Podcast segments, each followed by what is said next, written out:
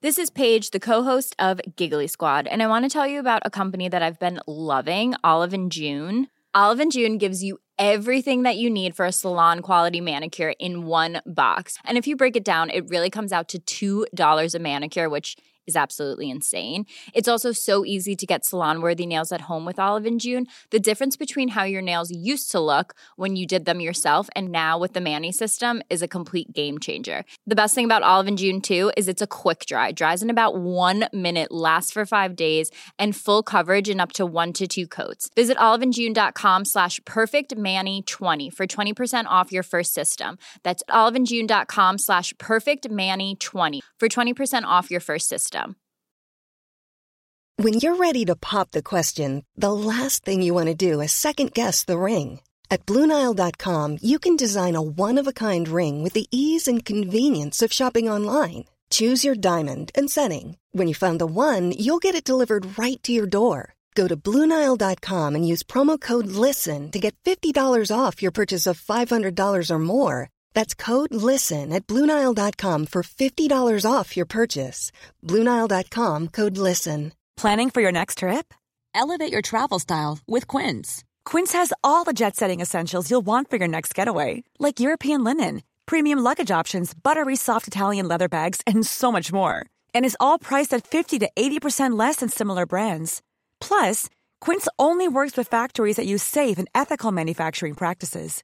Pack your bags with high-quality essentials you'll be wearing for vacations to come with Quince. Go to quince.com slash pack for free shipping and 365-day returns.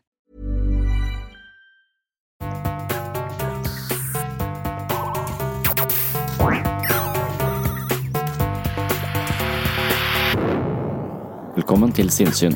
Jeg heter Sondre Risom Livre, er psykolog, og dette er Webpsykologens podkast. Hverdagspsykologi for fagfolk og folk flest.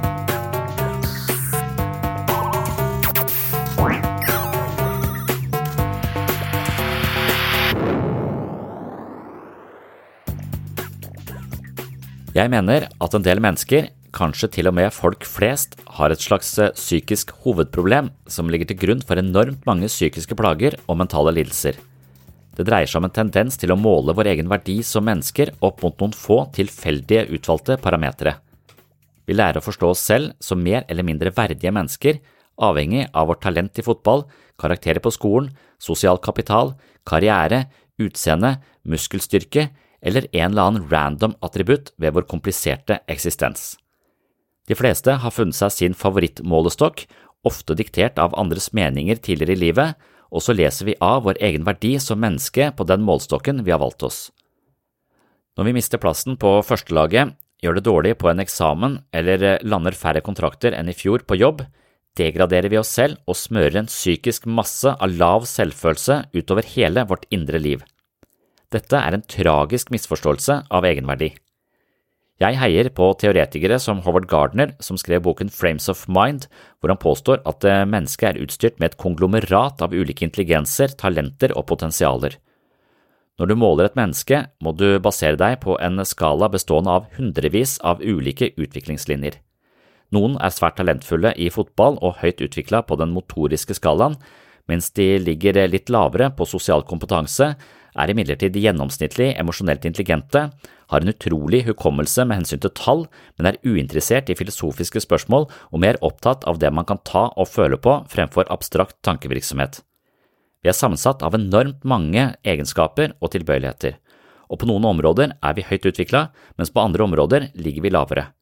Vi kan velge å utvikle oss på noen parametere som ligger litt under gjennomsnittet, eller vi kan gå for en spesialisering hvor vi bruker mest mulig tid på å perfeksjonere vår evne til å spille sjakk, som nok et tilfeldig eksempel. Når vi tror at det å mislykkes på ett område reduserer vår verdi som menneske, er det som å tenke at havet mister vesentlig vannstand dersom vi fyller en bøtte med vann og tar det med oss hjem. Havet er like fullt et hav selv om vi har fjernet ti liter vann.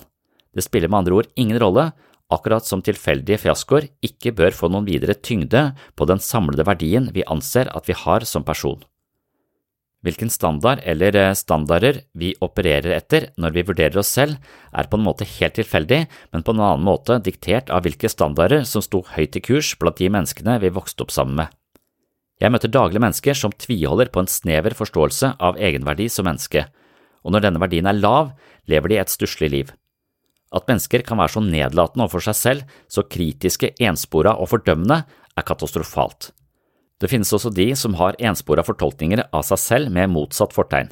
De anser seg selv som fortreffelige på alle mulige måter, noe som heller ikke representerer eh, et eh, veldig nyansert bilde i de fleste tilfeller. Å tenke altfor høye tanker om seg selv er imidlertid ikke det man pleier å gå til psykolog med. Derfor er jeg mer vant til å møte mennesker som har en indre sersjant som forteller dem hvor verdiløse de er på daglig basis. Omtrent som sersjanten i Full Metal Jacket, han er streng og nedlatende, men tydeligvis ikke rasistisk, ifølge han selv. You're not even human fucking beings.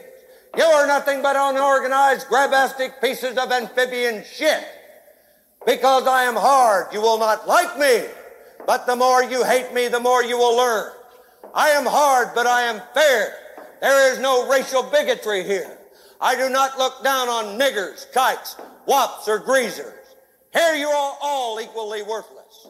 And my orders are to weed out all non-hackers who do not pack the gear to serve in my beloved corps. Do you maggots understand that? Sir, yes, sir. Bullshit, I can't hear you. Sir, yes, sir. Sersjanten i Full Metal Jacket han er nådeløs og trakasserende til de grader, og jeg vil si at jeg møter mange mennesker som har en sånn type sersjant inne i sitt eget eh, psykologiske rom, som driver og roper til de om hvor verdiløse de er i løpet av dagen. Det er ikke alle som hører denne selvkritiske røsten hele tida, men noen hører den eh, i større grad enn andre. Mens eh, for noen så ligger denne røsten bare bak og hvisker til de hele tiden, og selv om de ikke hører det eksplisitt, så styrer det likevel eh, hvordan de på en måte oppfører seg og tenker om seg selv i møte med livet. Så det å måle sin eh, egen verdi opp imot en eller annen tilfeldig standard som en eller annen idiot har ment er viktig tidligere i livet ditt, det er et hasardiøst prosjekt hvor vi gambler med egen selvfølelse. Kanskje gjør vi det godt på akkurat denne parameteren og er et verdifullt menneske, men så mislykkes vi plutselig på dette området, og så taper vi verdi som menneske. Og denne berg-og-dal-bane livsførselen med egen selvfølelse som innsats, det er et virkelig risikabelt prosjekt.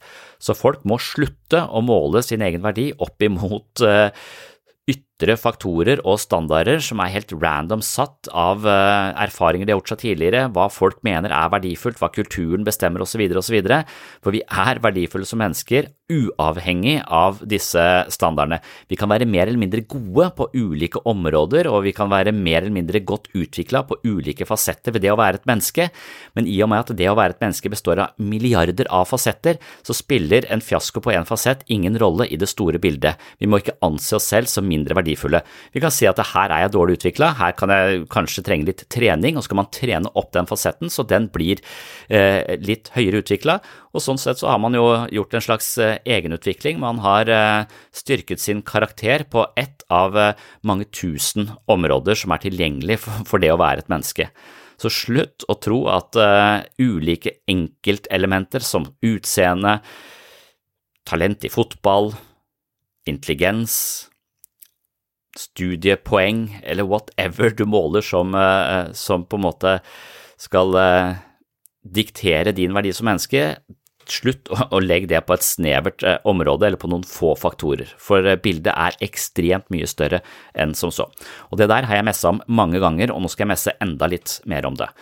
I det foredraget du nå skal få høre, eller i den refleksjonsrunden du nå skal få være med på, så begynner jeg å snakke om nettroll og narsissisme hvordan vi mennesker behandler hverandre dårlig når vi sitter bak en skjerm, og hvordan det å drive og involvere seg på internett som sin hovedarena for sosialisering kan eh, kjøre oss fast i veldig enspora forståelser av eh, av og til oss selv, men også verden der ute.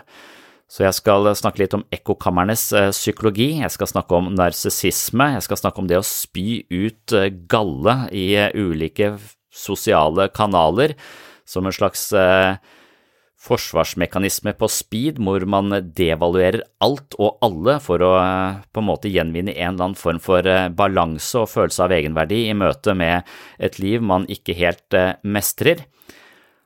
Og så skal jeg snakke til slutt om dette her med å måle sin egen verdi opp imot et ganske snevert repertoar av tilfeldige faktorer som jeg mener er direkte uklokt og kanskje menneskets største kilde til eh, lav selvfølelse og dårlig selvtillit. Takk for at du eh, følger med her på Sinnsyn. Nå skal vi snart gå til eh, denne samtalen som spriker litt i alle retninger, men før det vil jeg bare minne om at hvis du er en person som finner verdi her på sinnssyn, og som eh, ønsker å støtte prosjektet, så kan det gjøres på patron.com for segs sinnssyn. Og tusen hjertelig takk til alle dere som har valgt å støtte dette prosjektet med et eh, beløp eh, i måneden. Hvis du velger å bli eh, Patron-supporter av Sinnsyn, så vil du også få tilgang til masse ekstramateriale, nå opp mot 100 eksklusive poster som allerede ligger og venter på deg inne på Patron.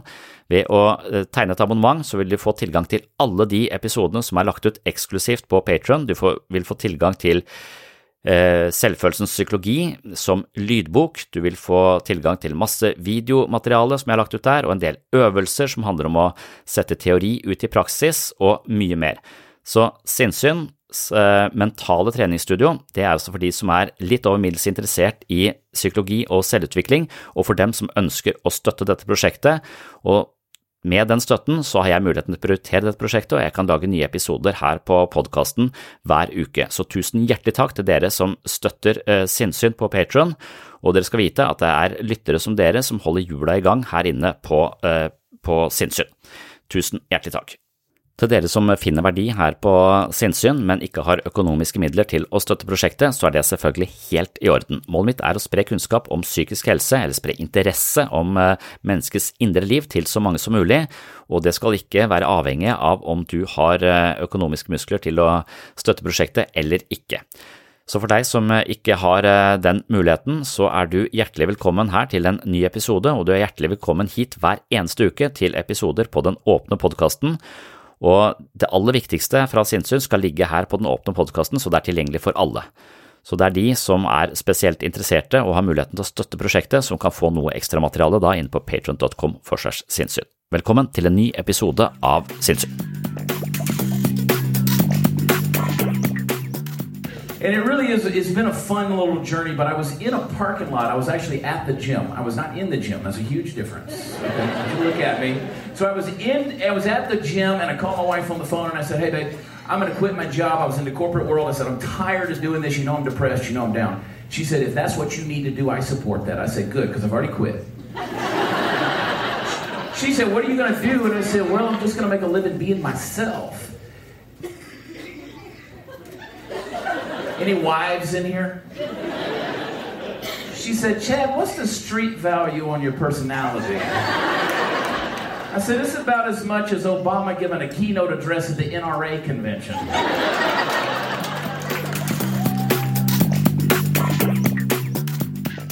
Da var det dette med nettroll og narsissisme. Og det er ikke sikkert de to tingene nødvendigvis henger sammen. Men selv om nettroll er et litt sånn spesielt fenomen, så er det ikke helt sikkert at det er et fenomen som ikke har en sånn uh, allmennpsykologisk relevans. Man kan jo kanskje forstå altså Et nettroll det er vel en, uh, en person som sitter i uh, kommentarfeltene og lirer av seg det ene etter det andre for å skade noen, eller for å provosere, eller for å det er kanskje litt ulik motivasjon, da.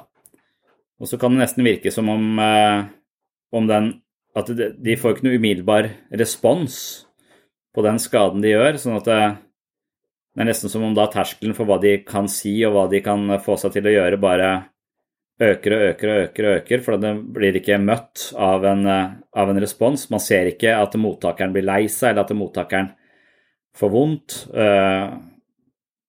Derfor så vil det bare uh, es eskalere. Så det er bare dette med den avstanden, altså all sånn mellommenneskelig kontakt som medieres av et uh, digitalt verktøy, skaper en type avstand. Litt sånn som bilen skaper også en type avstand, da. Folk kan jo vise fingeren til hverandre når de er to meter fra hverandre i bil. Men det er veldig sjelden at du viser fingeren til noen hvis du møter i markens. Altså det, eh, mens hvis du har en eller annen eh, metalldings rundt deg, så er du truende til å, tute og brøle og veive med armene til vilt fremmede mennesker. Um, noe som er uhyre sjeldent å se face to face, da. Så den avstanden um, Og så er spørsmålet hva, hva liksom motiverer en sånn type atferd mot andre? Det er vel ofte at man, uh, man kan jo nesten se på internett som en slags projeksjonsskive, for det er alt det man ikke man ikke får til, så all ens egen misere eh, trenger en eller annen forklaring, og den forklaringen den finner man eh, på nett, og så kan man skjelle ut disse folka som står i veien for ens egen eh, eh lykke. Så man projiserer eh, alt ansvar for egne problemer ut på et eller annet der ute, så man kan, så man kan bruke masse energi på å angripe.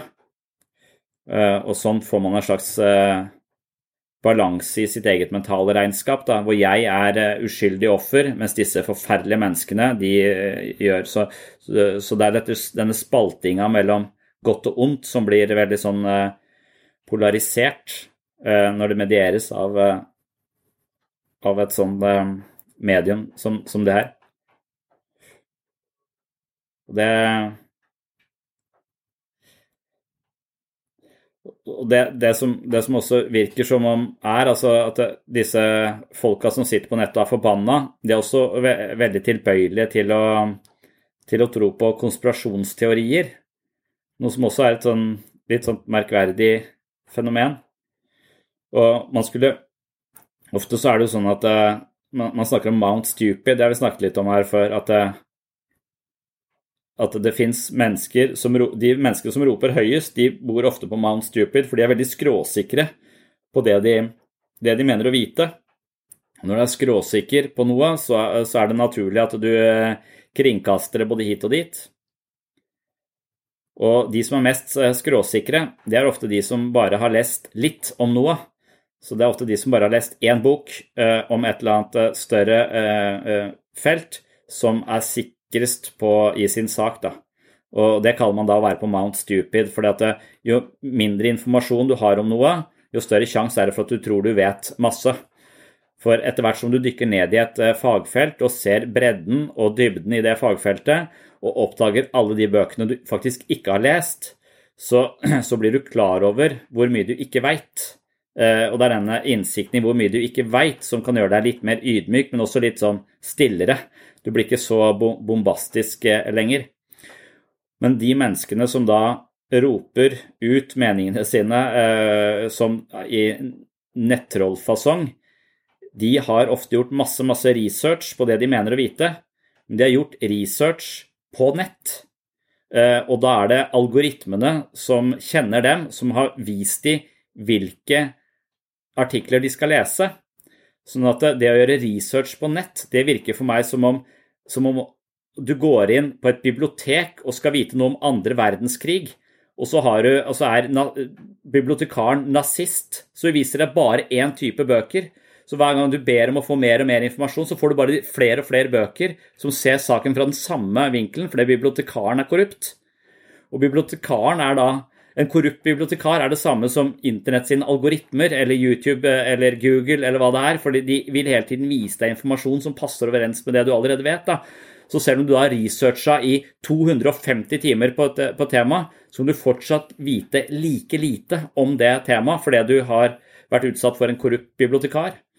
Eh, så, så, det blir også, og sånn blir det eh, polariseringer og, og uvennskap. fordi at det, man kan nesten se det som et slags kjennetegn på psykisk helse at vi klarer å innta et stadig mer nyansert perspektiv på ting. Og Én ting er jo verden der ute, men en annen ting er jo vårt eget liv. Det er liksom så like viktig å ikke være eh, utsatt for, eh, for, folk som har eh, fått lov til å diktere din verdi som menneske, eller hatt erfaringer som du hele tiden samler på, som, uh, som har en eller annen valør i forhold til hvor, hvorvidt du er kompetent eller ikke kompetent osv. Så, så, uh, så det å ha et nyansert perspektiv på hvordan vi tenker om oss selv, det, det, er også like viktig som å ha et nyansert perspektiv på andre verdenskrig. Og det får vi ikke hvis vi bare lytter til oss selv, for ofte så er vi vår egen korrupte bibliotekar. Jeg vil vite litt mer om meg selv. Ja, nå skal du høre, skal jeg fortelle deg hvem du er. Og så bare gjentar du et eller annet som eh, den mobberen som satt bak deg i fjerde klasse, hele tiden sa om deg. Men nå er det du som sier det eh, til, deg, til deg selv. You're not even human fucking beings. You are nothing but unorganized, grabastic pieces of. Så nettroll er, et, eh, er jo et, et nytt eh, er et konsept som kom med den digitale tidsalderen. Og det virker på meg som om, som om, eh, som om digitale medier på en eller annen måte bare forsterker de psykologiske tendensene som alltid har vært der. F.eks. dette med svart-hvitt-tenkning. At det er enda større sjanse for å havne i svart-hvitt-tenkning fordi at du også bor i et ekkokammer og ikke spesielt hvis du isolerer deg og er mye aleine og, og, søker informasjon fra en korrupt bibliotekar, så, så vil, eh, så vil uh, muligheten for å polarisere og ikke innta et nyansert perspektiv på ting være bare tilsvarende stor, da. Og det der med svart-hvitt-tenkning, det er jo det er, det, er snakket, det er, et psykisk forsvar som er sentrert rundt uh, splitting. Og splitting er noe vi gjør for å forenkle verden. Så verden er i utgangspunktet altfor kompleks til at vi i det hele tatt skal ha muligheten til å forstå den eh, på, en fullstendig måte. Men jo mer kompleksitet vi klarer å ta inn over oss, jo større sjanse er det for at vi får en, en, et bilde av verden som er mer nært virkeligheten. Mens eh, svart-hvitt-tenkning det, det, tar oss lenger fra et mer eh, så å si, eh, nyansert bilde, bilde, av verden. Men det er eh, fordeler med å tenke svart-hvitt, for du blir ganske skråsikker. Du slipper tvilen. Eh, og, og, det er lettere å forholde seg til. Så barn gjør jo dette. Altså, jeg er ond, du er god. Du har foreldre som eh, ikke fungerer godt nok, men de fungerer ikke godt nok fordi jeg er slem. Da har jeg kontroll på problemet. Det er jeg som er slem, de er gode. Det er bare pga. at jeg er så slem at de ikke klarer å forholde seg. Så har, du delt opp uh, ting i svart, svart og hvitt. Og Man kan også oppleve andre på, den måten. Enten så er du fullstendig god, jeg elsker deg, du er fantastisk, du er eh, nærmest en eh, eh, gud, og så sier du et eller annet som er feil, og så mister du alt det som er bra, og så ser du vedkommende som totalt svartmalt. Det er dynamikken i den borderline greia hvor, hvor, man går fra den ene opplevelsen til den andre, og det fins ikke noe gråsoner, da. For gråsoner er så kompliserte å forholde seg til. Da skal du vite at alle mennesker er både gode og onde. Og skal, da, er det kjempevanskelig. Og at du selv er både god og, og, og ond. Altså Det å få de nyansene der sånn, det, det, da blir du da, da, må du bade i eh, konflikter og motstridende følelser, og det er kjempevanskelig. Det er liksom Mental styrke er jo å klare å bade i de eh, ulike nyansene der sånn. Men så er det mye enklere å bare forholde seg til at de er onde, og de er gode. Eh, og hvis, du, hvis, noe er ondt og noe er godt, så er det også mye lettere å, å kommunisere.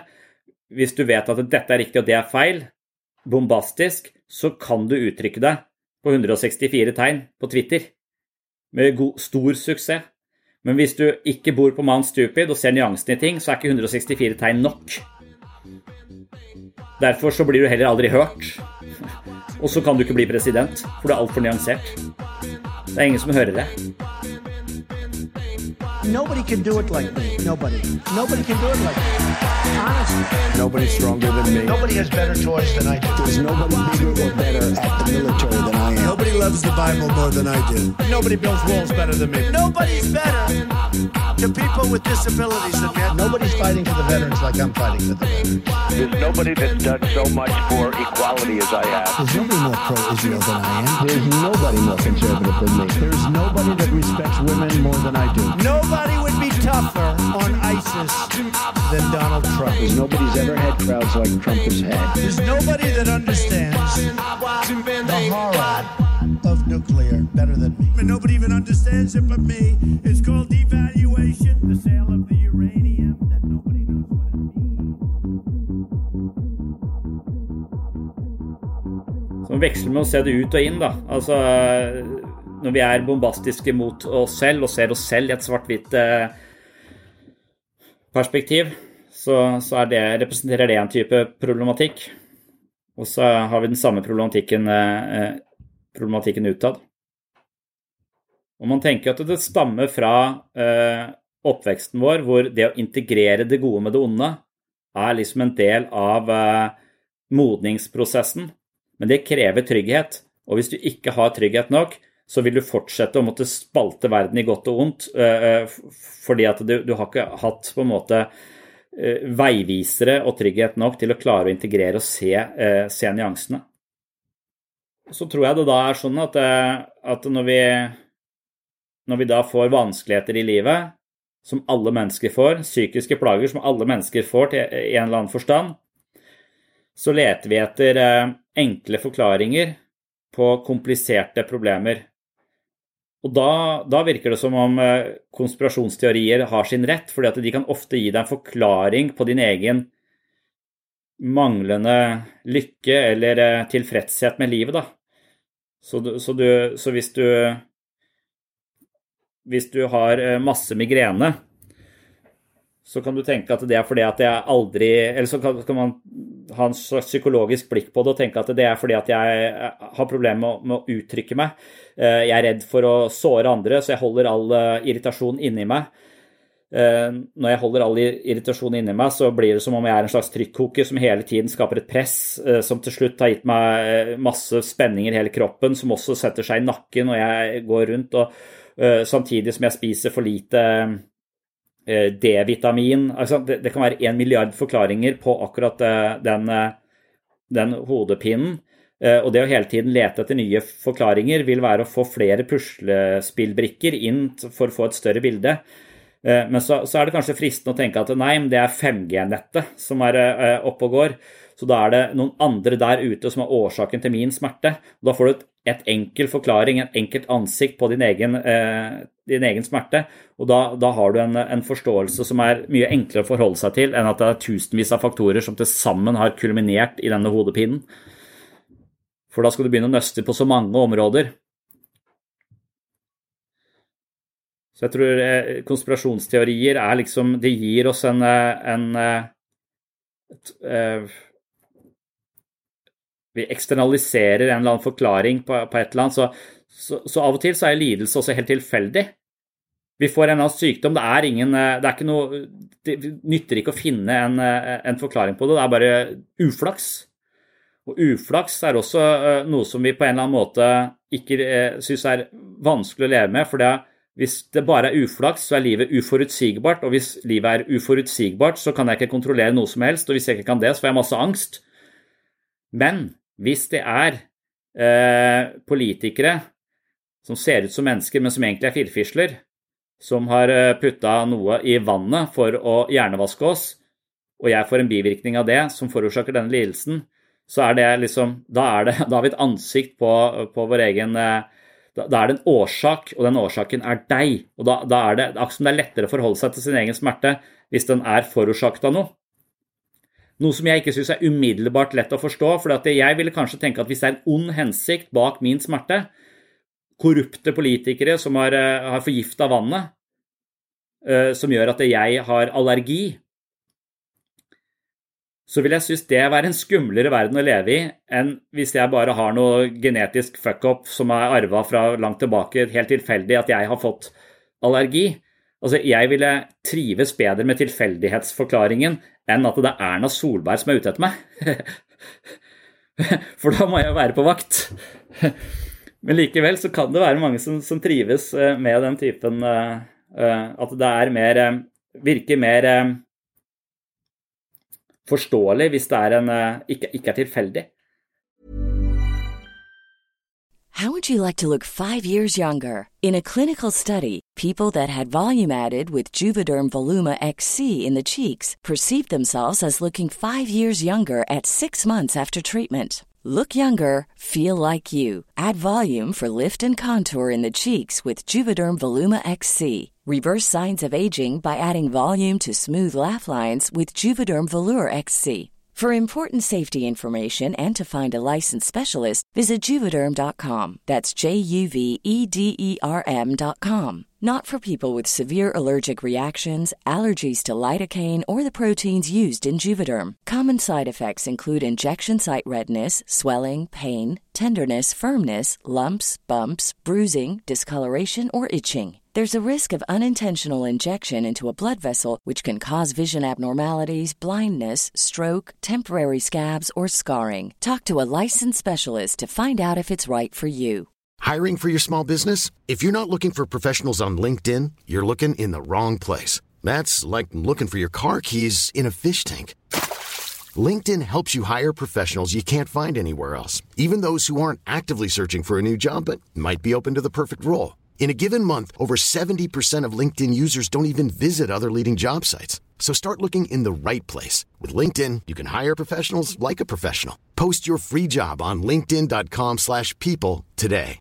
This is Paige, the co-host of Giggly Squad, and I want to tell you about a company that I've been loving, Olive and June. Olive and June gives you everything that you need for a salon quality manicure in one box. And if you break it down, it really comes out to $2 a manicure, which is absolutely insane. It's also so easy to get salon worthy nails at home with Olive and June. The difference between how your nails used to look when you did them yourself and now with the Manny system is a complete game changer. The best thing about Olive and June too is it's a quick dry. Dries in about one minute, lasts for five days, and full coverage in up to one to two coats. Visit oliveandjune.com slash perfectmani20 for 20% off your first system. That's oliveandjune.com slash perfectmani20 for 20% off your first system.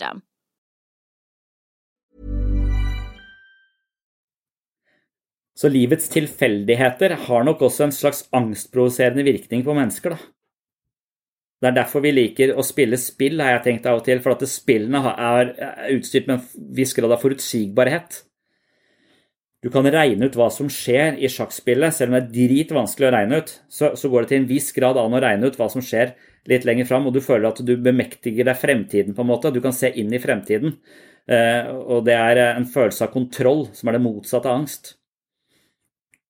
Men hvis ting er tilfeldig, så, sånn som stigespillet Hater stigespillet. Det går ikke an å være god i det. Plutselig bare rauser du ned. Og det er faen bare pga. den terningen.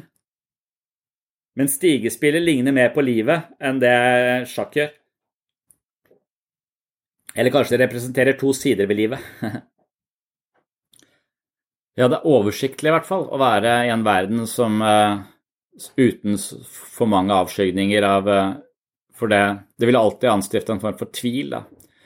Men, men, jeg tror kanskje det er det også som uh, som, som løsner litt når vi når vi til slutt klarer å innta et litt større større perspektiv, som det er som mental trening, så, så vil vi mm, se våre egne foreldre f.eks. For i et litt annet lys. Det er mange som, eh, som eh, har et sånn enormt behov for å beholde foreldrene som noe som er større og sterkere enn meg, og som er ufeilbarlige, for det besørger en form for eh, sikkerhet i tilværelsen. Da. Og da er man villig til å overse en hel haug av feil og mangler som man rett og slett bare skreller vekk fra, fra bildet for, å, for å, at foreldrene skal beholde et eller annet sånn hegemoni i ens eget liv. Og så kan man si at det å bli voksen selv, det er egentlig å vokse Altså, altså, det er noen som sier at det er å tilgi foreldrene. Jeg vet ikke om man skal tilgi, men rett og slett bare ser at eh, foreldrene gjorde mye bra og mye dårlig, og de gjorde så godt de kunne. Altså at, vi, at det blir et mye mer komplisert bilde. De er ikke utelukkende gode eller utelukkende slemme. De er eh, strevende mennesker med ulike sider og tilbøyeligheter, akkurat som vi er et strevende menneske med ulike sider og tilbøyeligheter. Og i den erkjennelsen så har du ikke lenger et eller annet stort og sterkt som kan ta vare på deg. Eh, eller som du alltid kan eh, eh, du, du blir plutselig ganske mye mer aleine. Men du blir også ganske mye mer lik. Du kan være en del av fellesskapet på en litt annen måte. altså det, du, du gir slipp på behovet for en en slags overhode eh, som bestemmer over deg, enten det er en venn som du alltid går til, eller en partner eller en forelder, eller noe som du liksom setter eh, Ja. Du blir en del av ledelsen selv i ditt eget liv, da. Mm. Så må man ta det ansvaret. Og det som, eh, det som var i podkasten, var vel den eh, Var det ikke han derre som, som nettopp har vært vant til å være et slags offer for spesielt faren sin, som har behandla han drit dårlig? han kjenner seg selv som et offer for en tyrann. Og når han da blir voksen og ikke lenger er et offer for en tyrann, så vet han ikke hvem han er hvis han skal være en fri person som tar ansvar for eget liv. Og derfor så, så søker han mot et ekkokammer på, på, internett som kan bekrefte at det er staten som er Eh, den nye overformynderen som behandler deg dårlig, som sørger for at du ikke får eh, jobb, som sørger for at du ikke gjør sånn, sånn, sånn, sånn. Så at man, er, så man får en ny figur der oppe som man, eh, som man, kan se på som den store, onde kraften som gjør at mitt liv ikke, ikke fungerer. Og det er jo ikke det at det alltid er feil heller, for det er ofte et snev av, av sannhet i, i konspirasjonsteorier også. Det er ikke det at alle konspirasjoner konspirasjonsteorier er feil. Det hender jo at det også er riktig. Men ofte så er det ikke så svart-hvitt som, eh, som, man skulle tro. Så, så også, hver gang noen prøver å presentere én forklaring på et problem, så bør man være skeptisk, da. For det er, det er så utrolig få problemer som har én forklaring. Så hvis alle mennesker har kreft pga. 5G Nå skjønner ikke jeg helt det 5G-greiene. Jeg vet ikke om det har kommet ennå en gang. Jeg bare merker at sånne Kari Jakkesson og sånne folk driver og snakker om uh, sånne ting. Og hun sier også at pandemien er uh, en hoax. Uh, no, så Ny rapport fra hovedstaden. Her ligger det folk, ligger det folk, og det i gatene. Alt er bare helt grusomt. Vi har en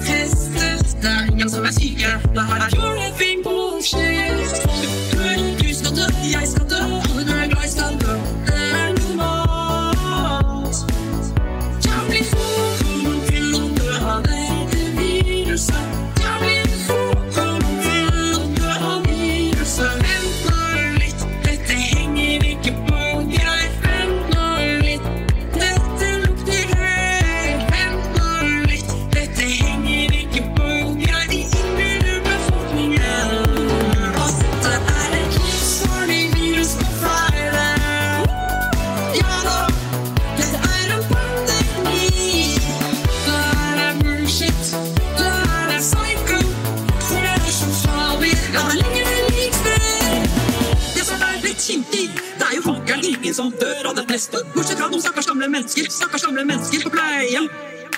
Som allerede lever på overtid i den virkelige verden. Der alle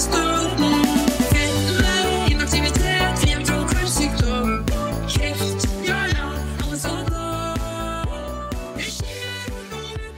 Kanskje det er et annet element ved ved konspirasjonsteorier og sånn også, at, at, at, man eh, finner en slags egenverdi i å mene noe annet enn hopen. At det å ha interessante meninger som er veldig annerledes enn alle andre, gir deg en slags eh, status, eh, og det gjør deg spesiell. Så man kan snakke om det forsvaret som heter idealisering og devaluering. Altså idealisering, det det brukes for å unngå å føle seg liten og maktesløs. Så idealiserer man ting, så man, eh, man ser ting som mer mektig og verdifullt enn det egentlig er. Og det kan man også gjøre med seg selv. Man kan idealisere seg selv. Det er en form for narsissisme, at man tror uh, langt bedre om seg selv og sin fortreffelighet og anser seg selv som et slags guddommelig menneske som har uh, f.eks. helbredende krefter med krystaller og diverse. Sånn at man, har, man er en slags prinsesse som snakker med engler. Og så, eh, så, så, har man devaluering på den andre siden, som, eh, som, handler om å rakke ned på ting for å eh, sørge for at det ikke har noen verdi. Sånn at jeg ikke risikerer å bli svikta eller miste noe. Så man kan se for seg at begge disse tingene er på spill da, i, i sånne konspirasjonsteorier, nettroll og narsissisme. For, for det hjelper jo ikke med rasjonelle argumenter heller. Det hjelper ikke å si at jeg skjønner at du har lest den boka, den sier det, men se på denne boka, den, sier, den ser det fra en litt annet synspunkt. Ikke nødvendigvis at den slår dine perspektiver i hjel. Så man kunne tenke at ja, det vil være berikende for deg at alle mennesker vil være beriket av å ha flere perspektiver på ting. Men hver gang du, du tar et nytt perspektiv på ting, så, så må du reformulere deg sjøl i forhold til din plass i universet eller din plass i forhold til andre mennesker. Altså, hver gang du lærer noe nytt om deg selv, så kan det også være ting du ser som du har brukt masse energi på å unngå å se. Så er jo, Vi er så emosjonelt investert i noen eh, narrativer om oss selv. Og, og hvis vi skal plutselig begynne å rokke ved de, eh, så, så, så, faller vi fritt. Vi har ikke noe sted å stå lenger. Så hver gang du skal drive og utvide ditt eget narrativ, så skal du være veldig trygg. For du skal føle at du i hvert fall har noen bærebjelker, noe å stå på. Så hvis man prøver å utfordre menneskers perspektiver, enten på seg sjøl, fordi de ser, mener at de de er mindre verdt enn andre osv. Så, videre. så eh, så, så, virker det som det aldri funker, for det, det, det, vil være så angstprovoserende å forlate den måten å tenke på. Eh, eller den måten, det, det perspektivet. For du, da må du konstruere et helt nytt et, og det er jo ekstremt krevende.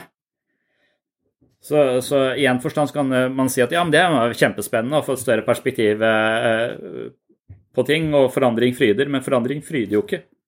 Det gir bare mer angst. Men, men, noen ganger så er vi inne i et såpass eh, trangt rom da, i forhold til uh, forståelsen av oss sjøl at vi er nødt til å at det, er ikke mulig å få puste der lenger. Det er vel det psykologi dreier seg om.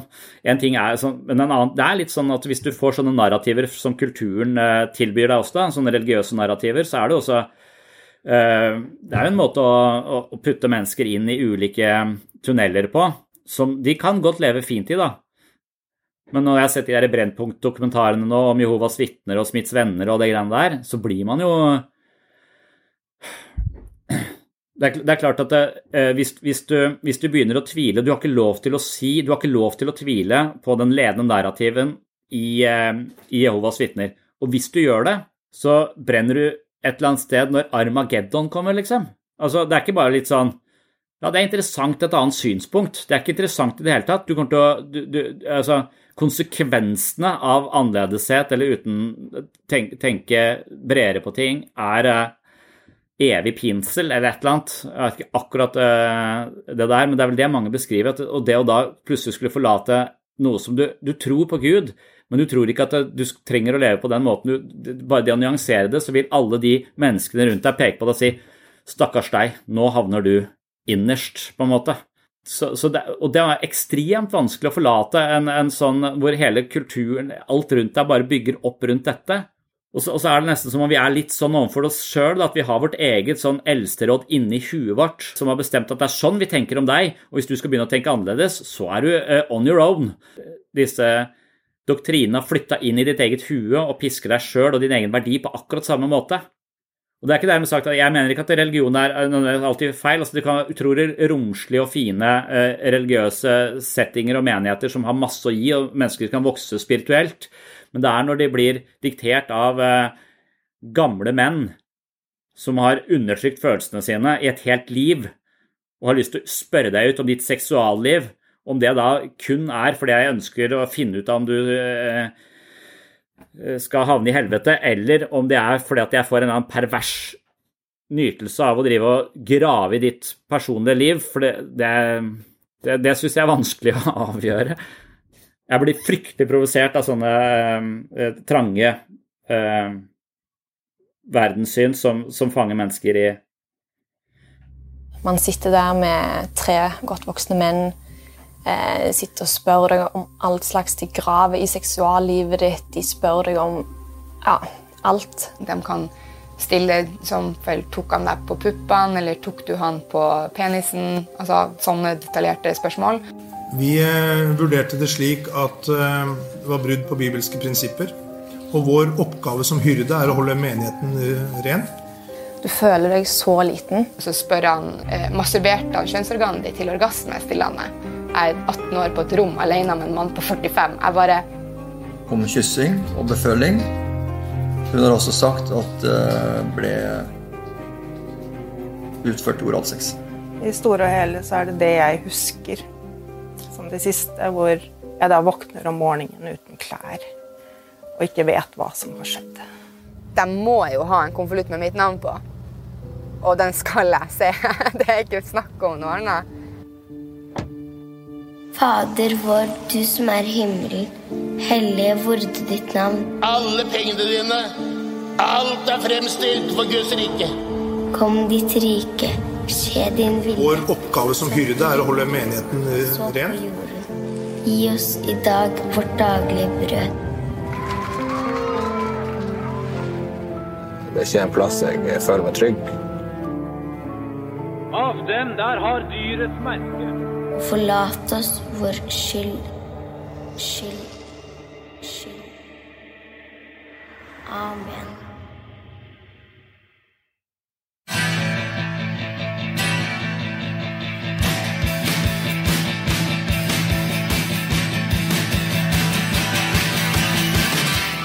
Jeg visste jo at det skulle være grusomt. Krig og ildkule. Og vi så jo masse illustrasjoner om at liksom Jehova og Jesus og englene står i himmelen med sverd, og så ser du mennesker som brenner opp. og Det var jo helt forferdelige bilder å se som liten.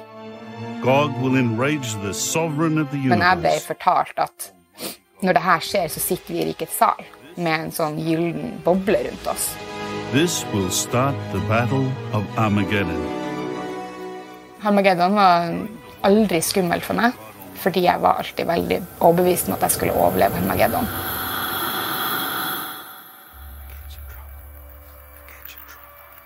Forget your troubles, come on, get happy. You better chase all your cares away. Shout hallelujah, come on, get happy. Get ready for the judgment day. The sun is shining, come on, get happy. The Lord is waiting to take your hand. Shout hallelujah, come on, get happy. We're going to the promise.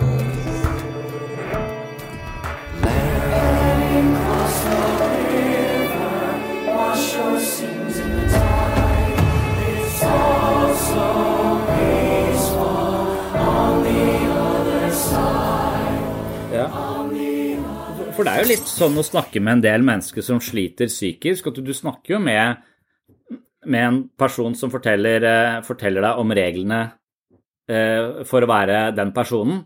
Og regelen er at eh, hvis ikke jeg presterer perfekt, så er jeg ikke verdifull. Oi, det, det høres merkelig ut for mennesker. er bygge det opp sånn at de først presterer jævlig dårlig fordi de ikke kan det, og så trener de, og så presterer de middelmodig en stund. Og hvis de fortsetter å trene, så blir de ganske gode på det. Mens du eh, tolererer ikke de første trinnene i denne trappa her. Det er kun å være på toppen, og hvis ikke du er på toppen, så gidder du ikke å ha noe med det å gjøre, eller anser deg sånn. Så, så de, reglene, de, de reglene høres ut som eh, regler det er umulig å følge.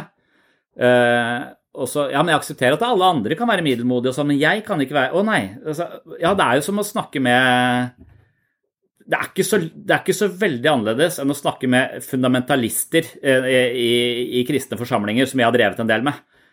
Jeg lurer på eh, det, Ja, det er øh, det, er den samme samtalen, bare at nå går det mer på, på personen selv.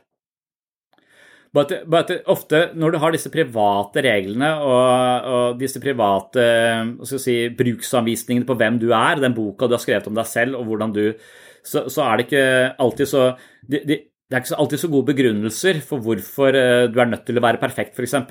Altså, det er lett å argumentere mot altså at eh, jeg liker ikke perfekte mennesker. Jeg. Altså, perfekte mennesker irriterer meg. Eh, Jeg, jeg syns det er noe, noe sånn ja, Hva er gøy med å være perfekt? Det er det uperfekte som er litt gøy. Det er når de driter oss ut. Så, så, så hvis du skal være et perfekt menneske, så, så syns jeg du blir en kjedelig person. Hva med å bare være sånn som oss andre? Uperfekte, så vi har noe å le av. Altså, det blir litt gøy å leve.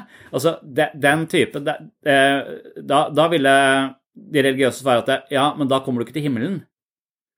Eh, eller noe sånt noe.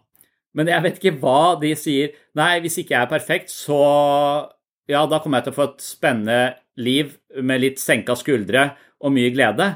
Det, det er jo det som er svaret, hvis du senker, senker standarden litt.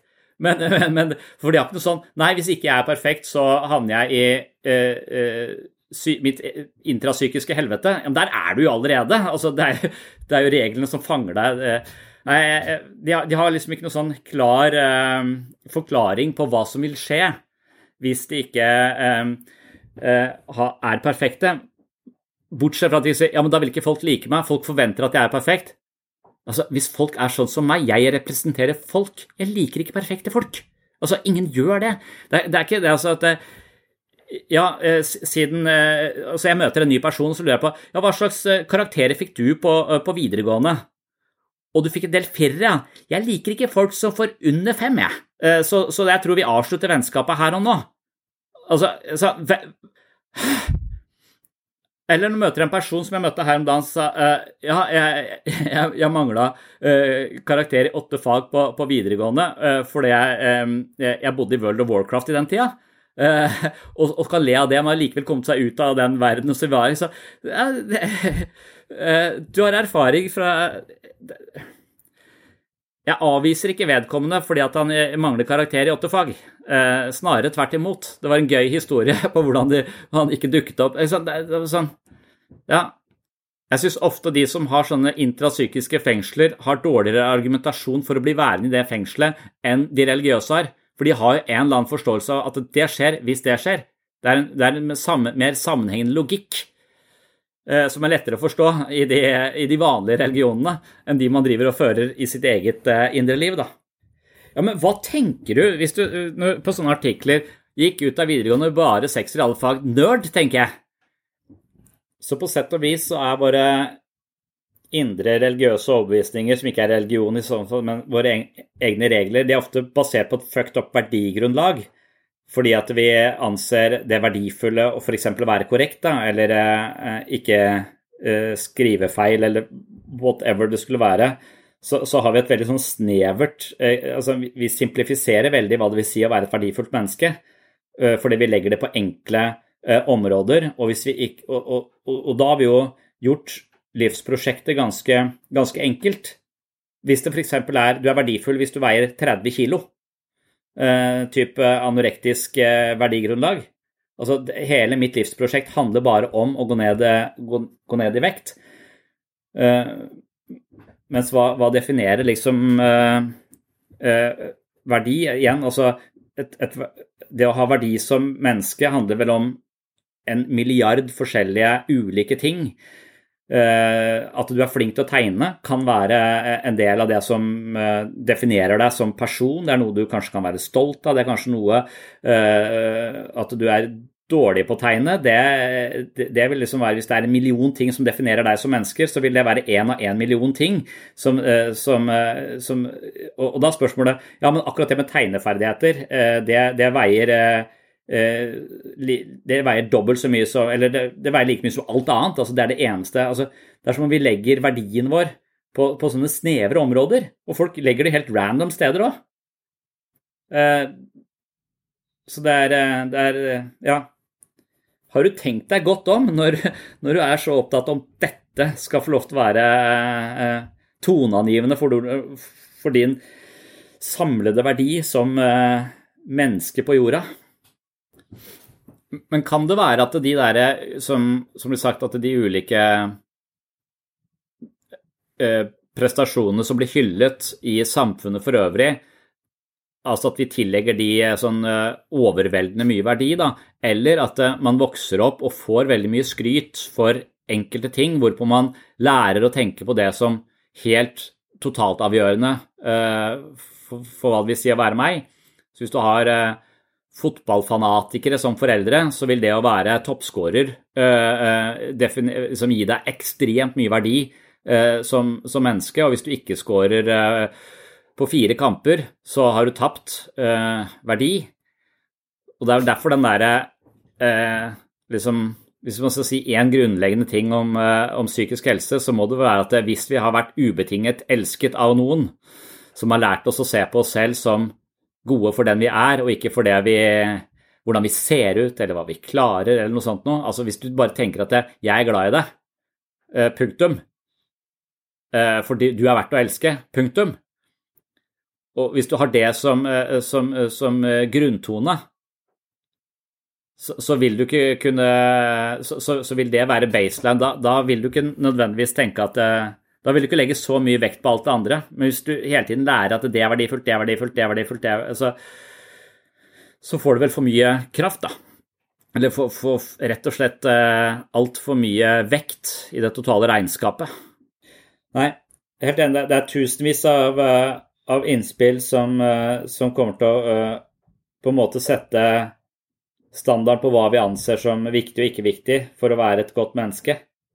Det er ikke bare foreldrene, det er det du sier? Og, og da tenker jeg at det livskunsten er For det, det å spille på et fotballag, f.eks., og være god, det er verdifullt. Men det er, eh, én av en million milliard ting. Så, så, så, så kunsten er bare å kunne spille fotball og være middelmodig, for du vet at det er én av en million ting.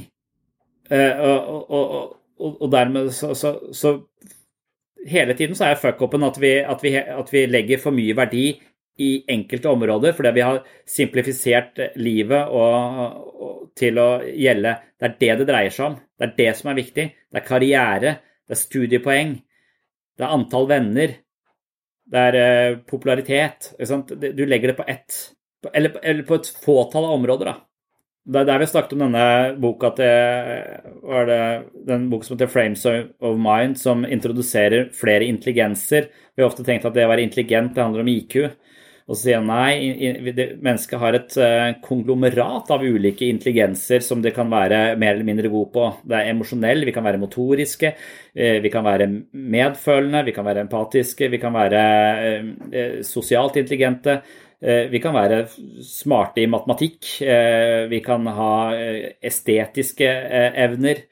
Og alle disse evnene til sammen gir oss en slags psykograf hvor vi på noen områder er ganske høyt utvikla, og på andre områder er litt eh, mindre utvikla. Og de områdene hvor du er mindre utvikla på, da kan du velge å si at ja, det er jeg interessert i, det skal jeg prøve å utvikle meg litt på, der har jeg muligheten til å vokse. Men er det viktig å ha en spesialitet, eller er det jeg lurer på, hvis, hvis, vi bare ser på mennesker som uh, tusenvis av utviklingslinjer som vi er mer eller mindre utvikla på, og det som handler om å være menneske, det er å, uh, å vokse. Altså det, det, som egentlig Det som er vitaliserer oss, det er, å, det er å vokse. Altså vi er nysgjerrige, vi er lekne, vi er eh, interesserte. At det er den positive måten å vokse på. Du må bli bedre, du må bli bedre, for det definerer deg som menneske. Men, men den, eh, den, lekne nysgjerrigheten gjør at vi utvikler oss. da. Det er den litt sånn barnaktige måten å, å kunne vokse på hvis man er trygg nok. Så, så, så, det vil være det ideelle, at man kan liksom leke seg framover i, i, i, verden. Og, og, det man høster, er eh, større kompetanse på ulike utviklingslinjer. Det kan være religiøse sammenhenger òg. Hvis, hvis, hvis, du lever i et religiøst miljø som ikke er lukka, men som er liksom åpent, og du hele tiden kan vokse, og, og, og det finnes en åndelig utviklingslinje, så kan du stadig vekk få en mer og mer sofistikert form for tro som som beriker livet på, på, helt nye måter hver gang du kommer høyere, og kompliserer livet på helt nye måter eh, hele tiden. For eh, så jo mer empatien vår utvikler seg, jo større sjanse er det for at vi får dårlig samvittighet når vi kjøper en ny iPad. Eh, fordi at det, da dør det 18 afrikanske barn inne på kjøkkenet ditt når du sitter der og laster inn eh, den siste IOS-oppdateringen. For den iPaden trengte du egentlig ikke, og den eh, kosta like mye som 20 eh, myggnettinger eh, som kunne redda barn fra malariadød.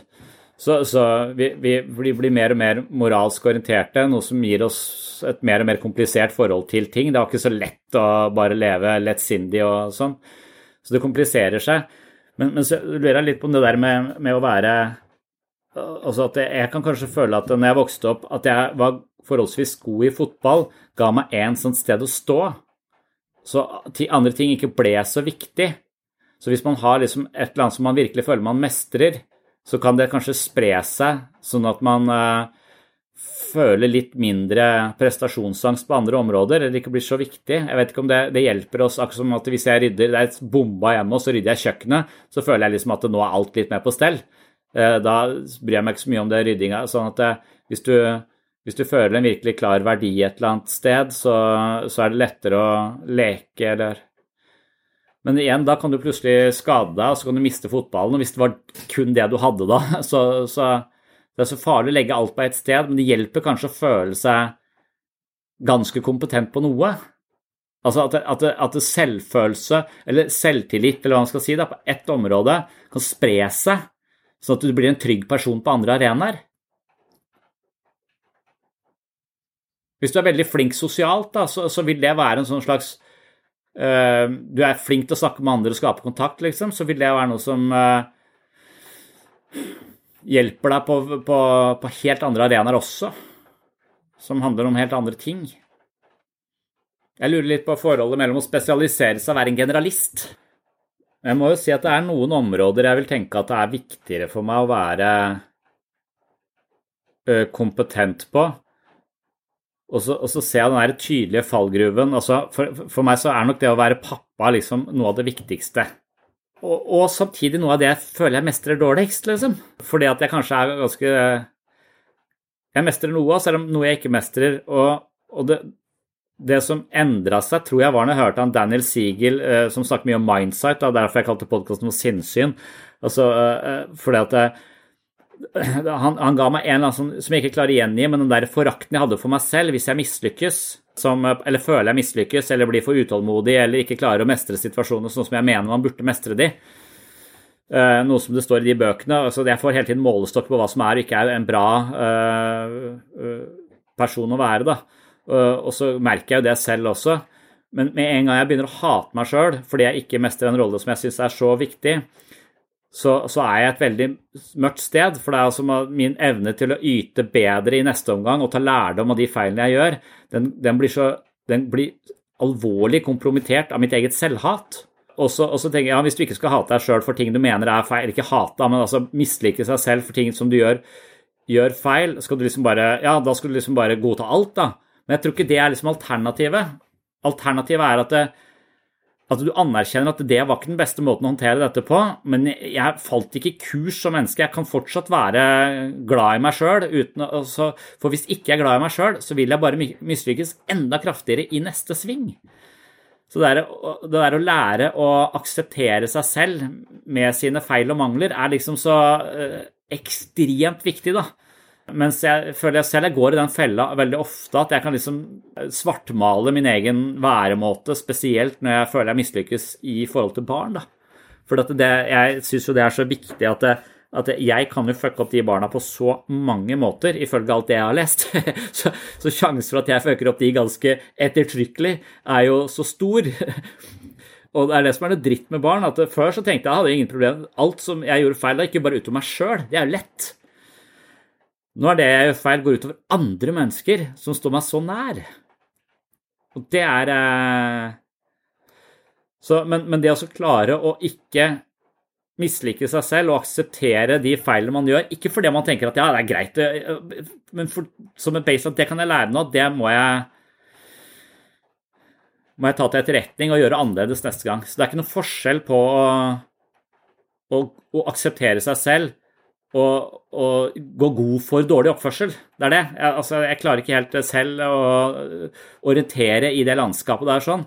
At jeg, ja, hvis jeg aksepterer meg fortsatt meg selv, så går jeg god for den typen oppførsel som jeg egentlig ikke syns er eh, spesielt attraktiv. Altså, ja, men i den situasjonen så kan du For, for den ene varianten er å begynne å lyve for seg selv og rasjonalisere og si at ja, men jeg gjorde sånn fordi at det var viktig, for jeg må sette grenser, bla, bla, bla. Altså du lager en eller annen sånn der adhoc pedagogisk teori som du tilsynelatende har fulgt, men sannheten er at du mista besinnelsen.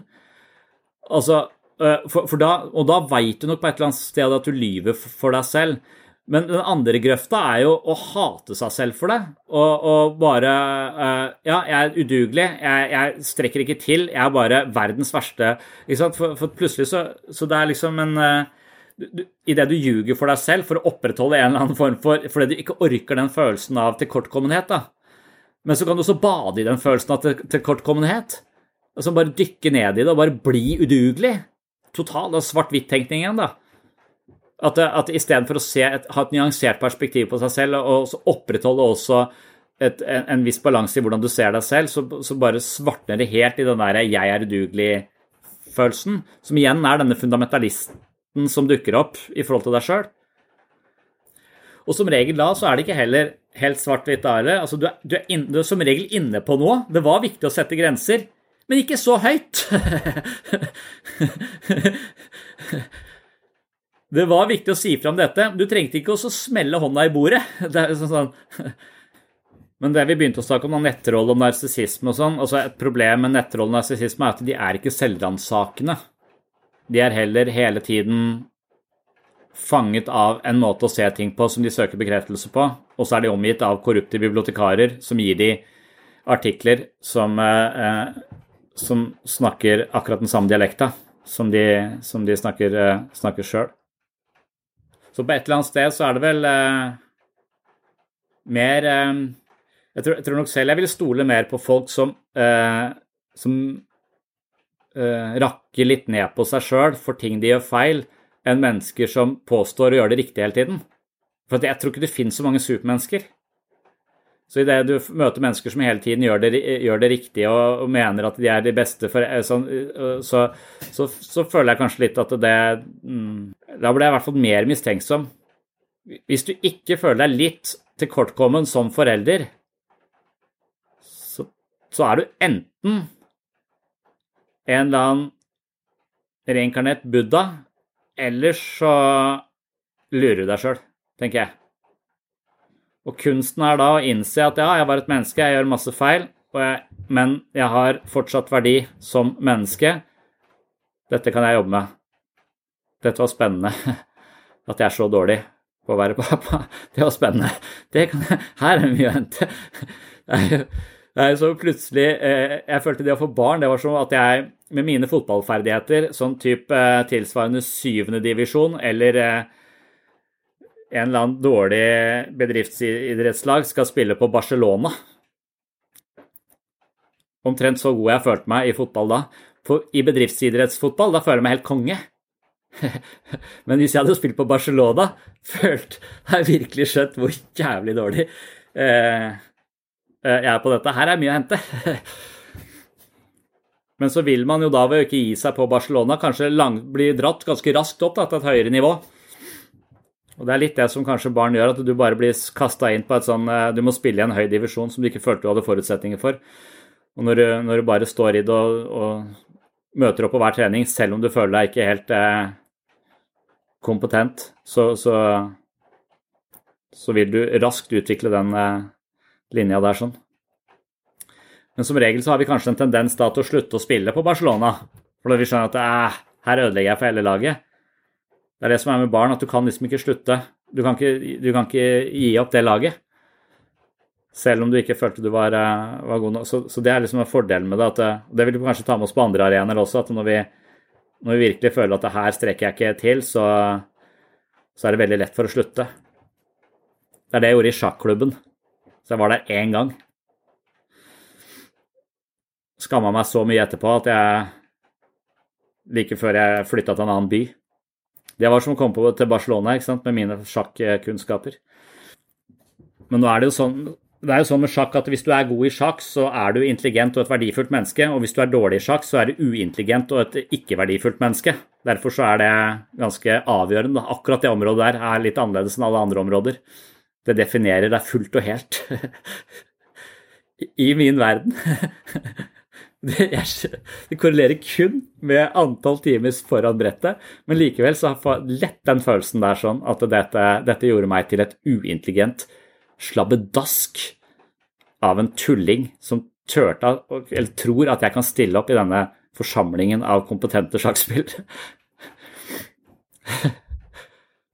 Vanvittig lett felle å gå i. Jeg skjønner at alle går inn hele tiden. Jeg går den sjøl hele tida. Det er akkurat som når vi trener her nede. ikke sant? Vi trodde vi var helt konge, vi. Eh, helt, eh, helt til Hilde kom. Fikk ny fysioterapeut. Da skjønte vi hva treningen var. Det vi hadde drevet med, vet ikke hva, kan ikke kalles oppvarming engang. Trodde jeg var helt rå. Jeg trente to ganger i uka. Syntes det var helt rått. Så har jeg knapt varma opp to ganger i uka. Men heldigvis så, så, har vi ikke liksom hele vår, vår verdi som menneske forankra i hvorvidt vi trener bra eller ikke. Altså, vi, vi gikk ikke til grunne på den erkjennelsen av at ah, det vi har drevet med, er eh, i beste fall mosjon for pensjonister. Jeg kom til å tenke på hun, der, hun som var her en gang for mange mange år siden, som egentlig ikke hadde liksom, du, Man lurer alltid på ja, hvor kommer disse utfordringene dine fra. Det kommer fra ett sted, sa hun. Det kommer fra at jeg gikk fra, uh, fra, ungdomsskolen der til videregående der. Og på ungdomsskolen der jeg bodde, der var jeg best i klassen. Jeg var kjempegod, jeg hadde ikke noen problemer. Uh, men så viste det seg at jeg uh, gikk på en skole som hadde et veldig generelt sett veldig lavt nivå. eh, og var, lå langt bak andre eh, ungdomsskoler. Og når jeg kom på videregående og så hvordan jeg lå an forhold til de andre, så rakna det helt for meg. Jeg har trodd at jeg var på topp, og så viste det seg at jeg hadde masse hull. Eh, Fordi at eh, den konteksten, eh, det jeg sammenlignet meg med tidligere, det var ikke opp til. Og, og da sluttet hun på en måte å fungere. Det sjokket ble for stort. Istedenfor å tenke ok, da har jeg en del hull, da må jeg jobbe litt ekstra hardt i starten her for å, for å tette de, og så komme opp på, på, på det nivået. Men så, så, så, misforstår hun på en måte at ja, det betyr at jeg er, er dum, jeg er ikke god nok. Istedenfor nei, du har bare beveget deg på et lag her som ikke spilte eh, den beste fotballen som er tilgjengelig, men nå er du på et annet lag, og nå må du bare spille deg inn på dette, dette laget. Det er en mulighet. Altså, men, men, da rakna det. Hun følte seg dum, følte seg inkompetent, følte seg utenfor, og ga liksom opp. Og det, det er sånn den misforståelsen av hva som liksom er eh, Det er så tragisk å høre, for, for da begynte hun da, da, da, ramlet hele hennes syn på henne selv, og, og, hun følte seg plutselig, fra å være føle seg kompetent, til å føle seg inkompetent. Og det er bare fordi målestokken, en eller annen random målestokk utenfor deg, endra seg litt. Det sier jo ingenting om hva slags potensial hun har for, for, å lære noe som helst. Kanskje hun kunne bli helt rå i den nye klassen òg. Kanskje, kanskje, hun var midt på treet i den nye klassen. Spiller egentlig ingen rolle. Det er bare det at hun misforsto det som som altavgjørende for min eksistens. For for hvis du, hvis, du, hvis du, som meg tror at du Hvis man grunnleggende sett tenker at man er verdifull og har en eksistensberettigelse fordi man har ulike egenskaper som man er mer eller mindre god på, så har man kanskje råd til å tenke å leve i den der illusjonen 'jeg er helt konge i fotball', spilte på TFK og var, var, var dritgod, og så er jeg over 40, og så plutselig så får jeg spille på Barcelona, da. Så får du deg en knekk. Men den knekken kan du se på med en viss form for humor fordi at du har ikke investert eh, alt der. Fordi at du har andre steder å stå, så derfor så blir det mer morsomt at du, at du får eh, en slags eh, realitetsorientering da, i forhold til din egen kompetanse på ett snevert lite område, som er motoriske ferdigheter med en ball. Men hvis du har liksom det som den hovedbærebjelken, så, så vil det bety helt annet. Så jo flere steder vi har å stå, da, jo, jo mer eh, lettsindig kan vi være i møte med disse korrigeringene som, uh, som, som hjelper Ja. Og så er det jo Jeg pleier også alltid å tenke på dette som om at det er veldig viktig å ikke være en perfekt forelder, for du risikerer å få et perfekt barn. Og som sagt, jeg liker dem ikke. Altså Perfekte folk er kjedelige. Så du vil jo ikke ha en perfekt unge, du vil ha en som passe fucka opp unge som, som, blir litt interessant med en del komplekser og en del issues som, som gjør deg litt særegen. Personlighet, ja, ja, ja. Mm. Må ha noen litt sånn interessante nevroser, sånn at det har noe å jobbe med. Har noe å snakke med terapeuten om når de, blir, eh, når de skal i terapi på ABUP. Det er viktig, viktig å bidra med noe innhold.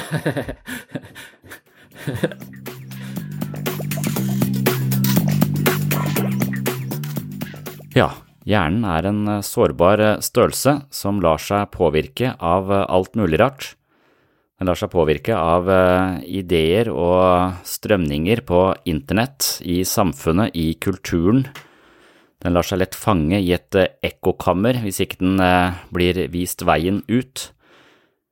Hjernen vår er også sårbar for andre menneskers tilbakemeldinger og andre menneskers vurderinger av hva som er viktig og ikke viktig, og hva som konstituerer eh, verdi som eh, menneske.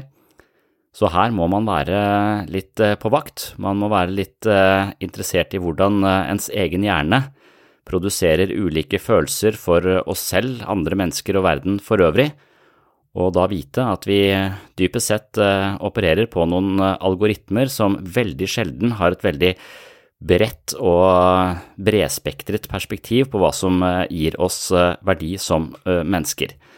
Noen har det, selvfølgelig. Noen har god selvfølelse og har en svært nyansert forståelse av hvordan de produserer opplevelser av seg sjøl og verden rundt seg, og da kan man si at de har et ganske solid sinnssyn. Mitt mål er å stadig utvikle denne horisonten prøve å se nye perspektiver, prøve å være mer oppmerksom på hvordan jeg selv skrur sammen mine opplevelser av uh, hverdagsliv, og det er det jeg da kaller for sinnssyn. Tusen hjertelig takk for uh, følget, takk for at du uh, hører på, takk til alle dere som har rata podkasten, og takk til alle dere som støtter podkasten via patron.com for sinnssyn. Det var det for denne gang. På gjenhør.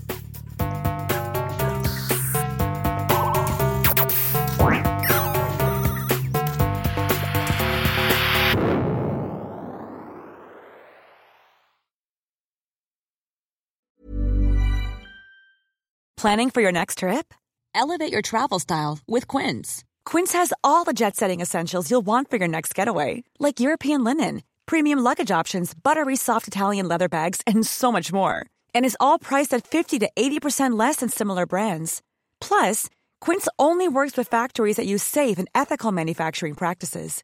Pack your bags with high-quality essentials you'll be wearing for vacations to come with Quince. Go to quince.com slash pack for free shipping and 365-day returns. Mom deserves the best, and there's no better place to shop for Mother's Day than Whole Foods Market. They're your destination for unbeatable savings, from premium gifts to show-stopping flowers and irresistible desserts. Start by saving 33% with Prime on all body care and candles. Then get a 15-stem bunch of tulips for just $9.99 each with Prime. Round out Mom's menu with festive rosé, irresistible berry chantilly cake, and more special treats. Come celebrate Mother's Day at Whole Foods Market.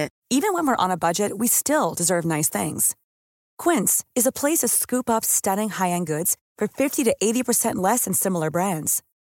They have buttery soft cashmere sweaters starting at $50, luxurious Italian leather bags, and so much more. Plus, Quince only works with factories that use safe, ethical, and responsible manufacturing. Get the high-end goods you'll love without the high price tag with Quince. Go to quince.com slash style for free shipping and 365-day returns.